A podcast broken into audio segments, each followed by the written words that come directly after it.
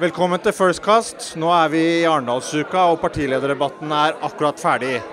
Med meg nå har jeg Tor Mikkel Wara, Erlend Fuglum og Cecilie Ditlev Simonsen, som alle jobber i First House.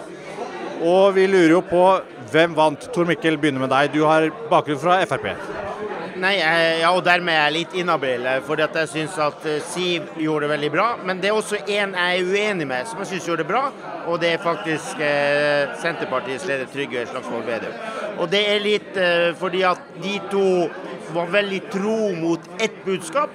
Og så har de kanskje litt eh, appellerte litt mer til eh, liking og holdninger og følelser enn noen av de andre. Fuglum, du har jobba i Senterpartiet. Er du enig i at Senterpartiet gjorde det bra i kveld? Ja, altså, Jeg mener jo at uh, Trygve Slagsvold Vedum uh, hadde et litt interessant utgangspunkt. For han ligger så høyt på målingene nå at for han handler mest om å holde på det du allerede har. Du er fullmobilisert og du har egentlig en del å tape. Uh, de få gangene han fikk ordet, så snakka han om de sakene som har løfta partiet til 10 så jeg syns han leverte ganske bra. Men den jeg syns var best i dag, var Jonas Gahr Støre hadde et vanskelig utgangspunkt med en del dårlige målinger med inngangen til valgkampen. Eh, litt nervøsitet i partiet. Eh, fulgt med et eh, falkeblikk. Hvis han hadde gjort det dårlig i dag, så hadde han blitt slakta av kommentatorer og kritikere. Jeg synes han var veldig godt forberedt, veldig på hugget. Veldig offensiv. Og hadde faktisk litt humør. Så denne debatten om at Jonas Gahr Støre er litt sånn tåkefyrste, den tenker jeg bør dø ut med de debattene vi har sett nå. Cecilie, du var ikke like imponert over Jonas Gahr Støre? Jeg syns han var bedre enn han har vært eh, helt på starten av valgkampen. Men eh, jeg syns han var eh, faktisk på defensiven. Jeg hadde ventet at han nå benyttet denne anledningen til å virkelig prøve å snu stemningen og være på hugget, i stedet opplevde at han endte med å forsvare seg, mens han kanskje skulle være den som var i angrepsposisjon.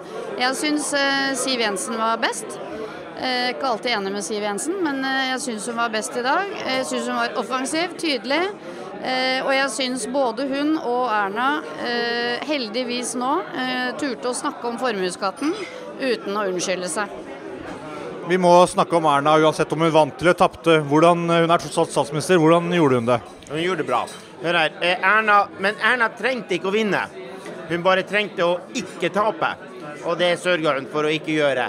Så er det sånn at Erna, Erna gjør det nesten alltid bra. Eh, grunnen til at jeg liksom ikke vil sette henne på toppen, det er at hun kunne enda vært litt Vi kunne likt henne litt bedre. Det, og hele, dette gjelder hele debatten. Folk blir litt anstrengt. Eh, litt lite eh, avslapping med å flørte med seerne, og blir litt saklig. Erna er en, en, en karakter for det. Det er hennes styrke, så jeg syns ikke at du skal endre på det. Men du får jo aldri toppskåra. Nei, altså Jeg er enig i at eh, Erna var ganske god. Hun fremstår jo statskvinneaktig, eller liksom trygg, eh, solid til å stole på, har kontroll på tall og fakta og sånt. Men jeg vil likevel trekke litt, for at jeg synes som partileder og statsminister så må det også være noe spennende. Jeg synes det ble litt eh, kjedelig og forutsigbart og flatt. da. Så litt mer saft i det, og kanskje handler det om eh, om en nervøsitet eller forsiktighet. Men eh, jeg syns eh, Jonas var mye sprekere i dag. Nå forsvinner publikum ut på diverse nachspiel ute i natten. Hvem er det de kommer til å prate om som tapte denne partilederdebatten? Cecilie? Ja, Det har vi allerede skjønt på stemningen her, at det varierer veldig. Eh, for det er veldig stor uenighet. Det har vi sett også på de målingene som er kommet. Det er veldig stor uenighet faktisk om hvem som var best og hvem som var eh, dårligst. Så jeg vil ikke snakke på vegne av forsamlingen her. Eh, men jeg tror at mange vil si at Knut Arild Hareide var litt slapp og usynlig at Trine Skei Grande, som jo kjemper for livet, nesten bokstavelig talt, eh, ikke brukte den muligheten fullt ut. Eh, så at de partiene faktisk eh, ja, skal vi si fortsatt har mye å kjempe for, det tror jeg mange vil snakke om. Og så tror jeg det er stor uenighet om om Erna var best eller Jonas var best. Eller kanskje noen som meg mente at Siv Jensen faktisk var best i dag. Det jeg har lyst til å si, var at jeg syns jeg syns det er synd at, eh, at, eh, hovedkonkurrenten til Erna om å bli statsminister, Jonas, eh, at han ikke bruker anledningen til å si noe om hvordan Arbeiderpartiet har tenkt å være med på å skape verdier og skape arbeidsplasser. Han snakket noe om en eller annen masterplan som de skulle komme tilbake til. Det er velgerne lei av å høre om. Planer har vi nok av. Og Jonas har hatt mer enn nok av tid til å komme med eh, konkrete synspunkter på dette, så det syns jeg var synd. Eh, og det tipper jeg at rådgiverne hans kommer til å gjøre noe med, og at vi kommer til å få mer konkret fra han neste gang. Tor Mikkel, hvem tror du folk eh, kommer til å snakke om som taperen i kveld og i morgen? Nei, altså, jeg, jeg tenker sånn at vi må, Det er vanskelig for meg å ikke vurdere det ut fra utgangspunktet som skulle være for denne debatten her, hvor det var forventninger til noen. Det var Jonas. Han klarte seg bra. Eh, og så er det sånn at Knut Arild har jo hatt alltid en eller annen kjepp vits som folk skal le av, som han ikke fikk til ordentlig i dag. Men utgang, problemet med, med Knut Arild for at det er at i dag var det en verdidebatt. Han skulle eie den. Dette skulle vært hans hjemmebane. Og det ble det ikke. Og det gjør at jeg vil nok si at Knut Arild Hareide var den som kom dårligst ut, ut ifra hva jeg forventa på forhånd.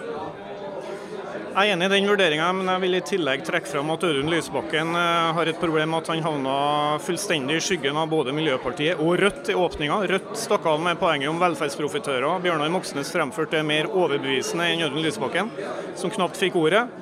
Mens eh, Miljøpartiet var først frampå og eide hele debatten om eh, klima, der Audun Lysbakken tror ikke han fikk ordet omtrent i hele tatt, for han liksom nevnte i en bisetning i et annet innlegg. Det er en livsfarlig linje for SV når andre partier stikker av med kampen mot velferdsprofitører og miljøpolitikken. Så Lysbakken må komme kraftig på offensiven i neste debatt.